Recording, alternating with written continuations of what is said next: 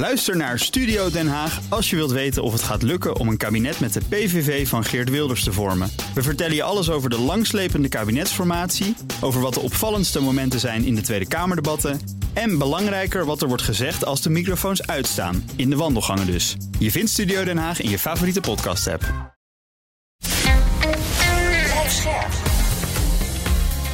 BNR Nieuwsradio. Boekenstein en de Wijk.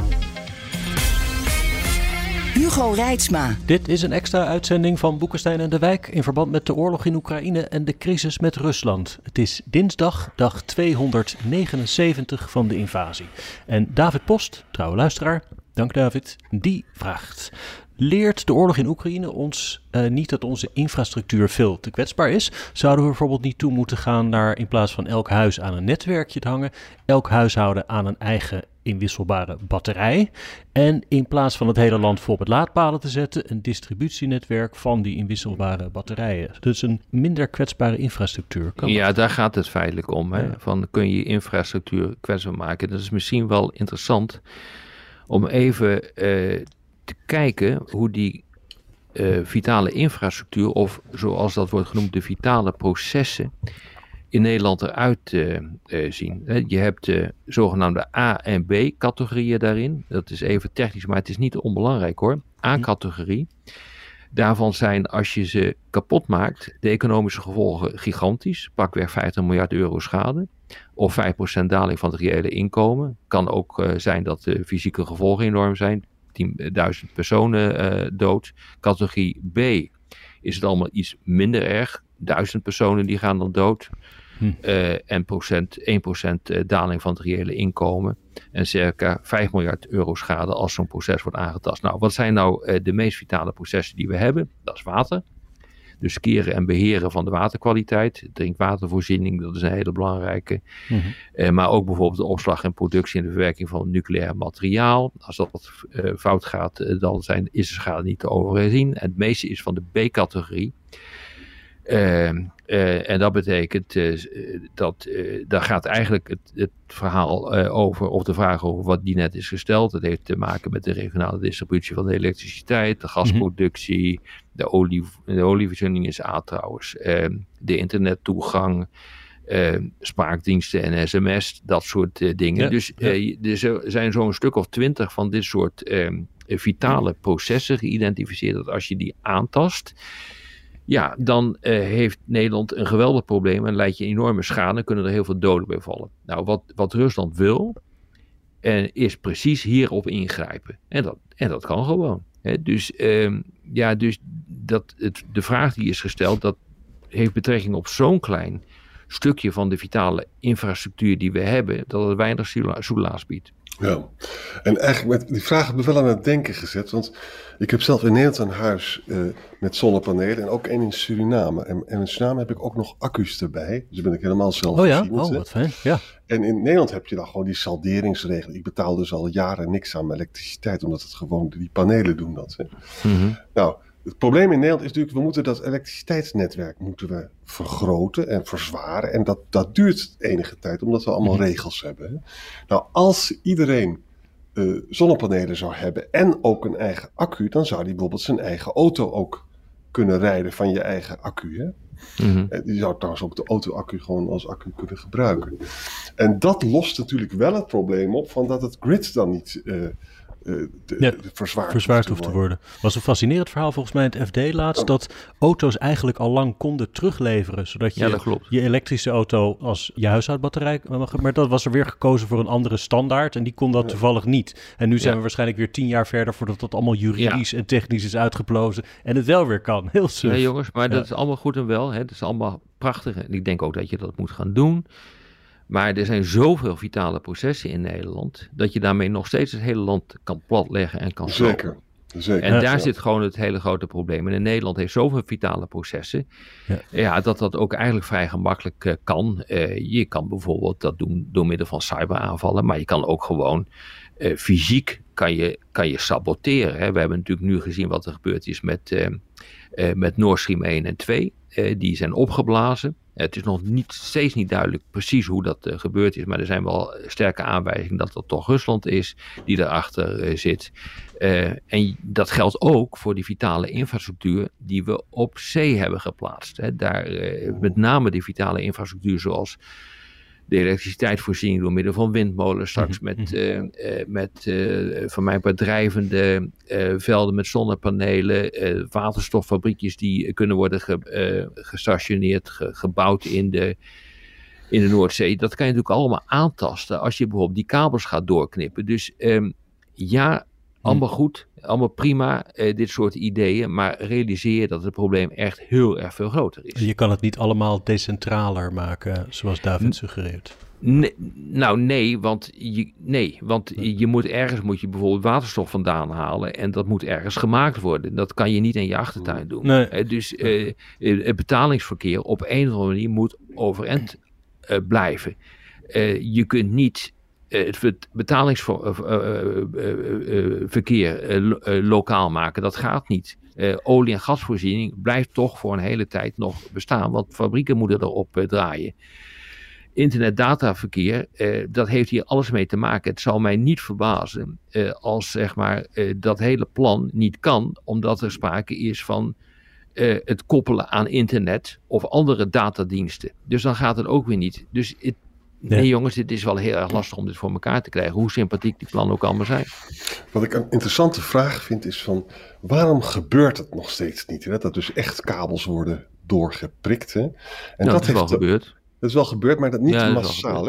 En, en waarom gebeurt dat niet? Omdat er een machtsevenwicht is. Het is gewoon, ja, als je dat gaat doen, dan heb je het grootst mogelijk glazen haal je. Als Rusland dat massaal nu zou gaan doen en het Westen in grote problemen brengt, ja, dan gaat er dus echt wat terug gebeuren. En dat is een reden. Ja, maar dat, dat, dat is ook zo. Maar kabels, kijk, het is natuurlijk al lang gebeurd. Ik bedoel, kijk nou even naar Nord Stream 1 eh, en 2 die zijn opgeblazen. Het gebeurt dus gewoon. Er zijn ook al kabels geknipt. Uh, dat uh, vraag maar aan Ierland. Daar, voor de kust is, is dat een keer gebeurd. We weten dat er schepen zijn die dat kunnen en die dat doen. We weten dat er zogenaamde Spetsnaz eenheden zijn die in principe uh, dat zijn Russische ehm, geheime eenheden, die zouden in principe uh, ook in Europa gewoon uh, kunnen saboteren. Dat kan allemaal. Alleen dat is onderdeel van een hele escalatie. Exact, naar een nieuwe fase van de oorlog, waardoor je dat nu even nog niet doet, omdat je dit misschien wel achter de hand wil houden. Exact. Dus er is een zekere terughoudendheid, hè? een zekere afschrikking. Met cyber is trouwens hetzelfde. Hè? Cyber in Oekraïne is niet zo heel erg indrukwekkend geweest. Eh, nou, ho, ho, ho, ho. Uh, dat is wel heel erg indrukwekkend uh, geweest. Alleen de effecten zijn niet zo indrukwekkend geweest. als je kijkt naar wat er gebeurd is in, aan het begin van de oorlog, dan moet je constateren dat gewoon hele overheidsdiensten plat hebben gelegen. er, zijn, er zijn echt grootschalige cyberaanvallen geweest. En dat gaat dag in dag uit, gaat dat, gaat het door. Alleen het interessante is dat dat netwerk kennelijk weerbaarder is dan veel mensen denken. Ja, en, en, het geldt natuurlijk ook voor die hele, het hele elektriciteitsverhaal. Ik begrijp er geen bal van. Moet je je voorstellen, je, je, knalt alles kapot en dan binnen een paar dagen zeggen ze nou, bijna alles doet het weer. Dat kan toch niet waar zijn? Nee, maar ik denk dus ook dat als je ziet naar het aantal aanvallen dat er is uh, gebeurd... Uh, en wat er wordt tegengehouden, dan moet je gewoon constateren dat er uh, op zo'n dag misschien inderdaad tussen de, de, de 20 en 50 raketten doeltreft. Maar dat is onvoldoende om zijn hele netwerk eh, compleet plat te leggen. Om de hele vitale infrastructuur, althans als het gaat om de energie, helemaal plat te leggen. Dus dat is ja, in wezen nog wel te repareren kennelijk. Hè? Want ik zag nu ook weer dat 80% van uh, de energievoorziening alweer op stoom ligt. Ja, dat is toch wel knap, hè? Want je moet zo'n ja, elektriciteitsnetwerk moet bijzonder, echt balanceren. Hè? Als vraag en aanbod op het net uit balans raken, dan klapt alles eruit. Ja. En als je dat doet terwijl je gebombardeerd wordt, dat is... Dat het is echt knap. onvoorstelbaar hoor, dat men daartoe in staat is. Maar dat toont ook aan uh, dat uh, die aanvallen wel heel erg verschrikkelijk zijn en heel erg omvangrijk zijn. Maar ja, jongens, laten we zeggen, als het inderdaad klopt wat ik zeg, hè, eh, dat 20 tot 50 uh, um, uh, raketten bij een massale aanval doel treffen, dan praten we wel over een land dat groter is dan Frankrijk. Hè, ja. Dus uh, ja. dat betekent niet dat je daarmee het hele systeem kunt platleggen. Je kunt natuurlijk wel de meest vitale knooppunten eruit proberen te halen, of elektriciteitscentrales proberen kapot te, te maken, maar nou ja je hebt wel heel veel schade nodig. Je moet heel veel schade berokkenen. Wil je dat echt gewoon heel erg effectief kunnen doen. Nog even meedenkend met David, die dus denkt aan decentralere oplossingen die dan dus weerbaarder zijn. Het meest decentrale, dat zijn natuurlijk de mensen zelf. Zou, zou je de bevolking weerbaarder kunnen maken? Ik kan me herinneren dat er jaren geleden nog wel spotjes af en toe op de radio waren van weet wat te doen als, als uh, de stroom uitvalt of zo. Nou, daar hoor je nooit meer wat van. Is het niet een goed moment om dat spotje weer eens online te zetten? Leg, leg een paar kaarsen klaar. Nou ja, dat soort dingen. nou ja, ja. Ja, simpel. Ja, nee, maar kijk, weet je, ach, het is algemeen bekend uh, dat ik een huis in Frankrijk heb.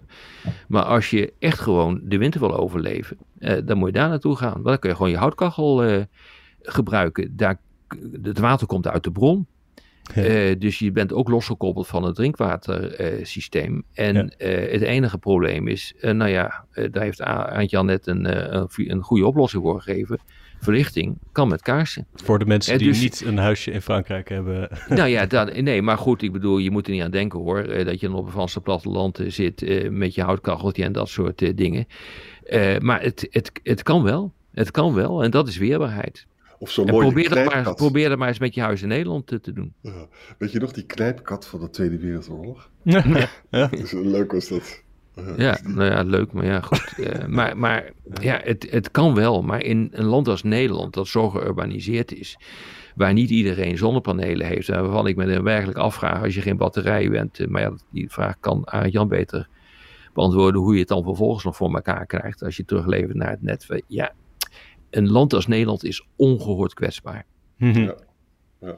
het stomme is dus, die salderingsregeling, dat klinkt natuurlijk allemaal prachtig. Want je, hebt dus, je verdient dus aan je zonnepanelen. Maar dat houdt dus de installatie van energiedragers tegen.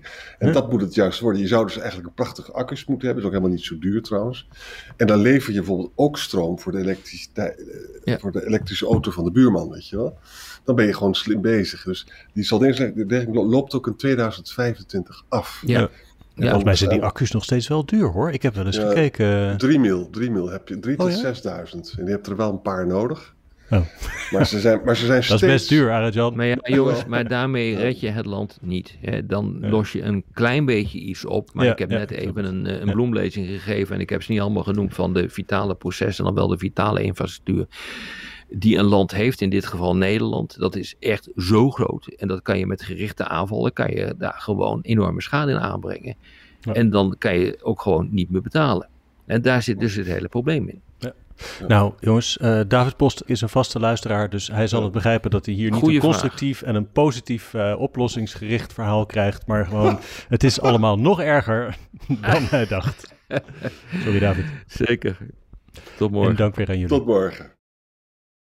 Ook Diana Matroos vind je in de BNR-app. Ja, inderdaad. Je kunt live naar mij luisteren tijdens de Big Five. Ook handig in de BNR-app. Breaking nieuwsmeldingen, maar ook het allerlaatste zakelijke nieuws. En je vindt in de app alle BNR-podcasts, waaronder Wetenschap Vandaag. Download nu de gratis BNR-app en blijf scherp.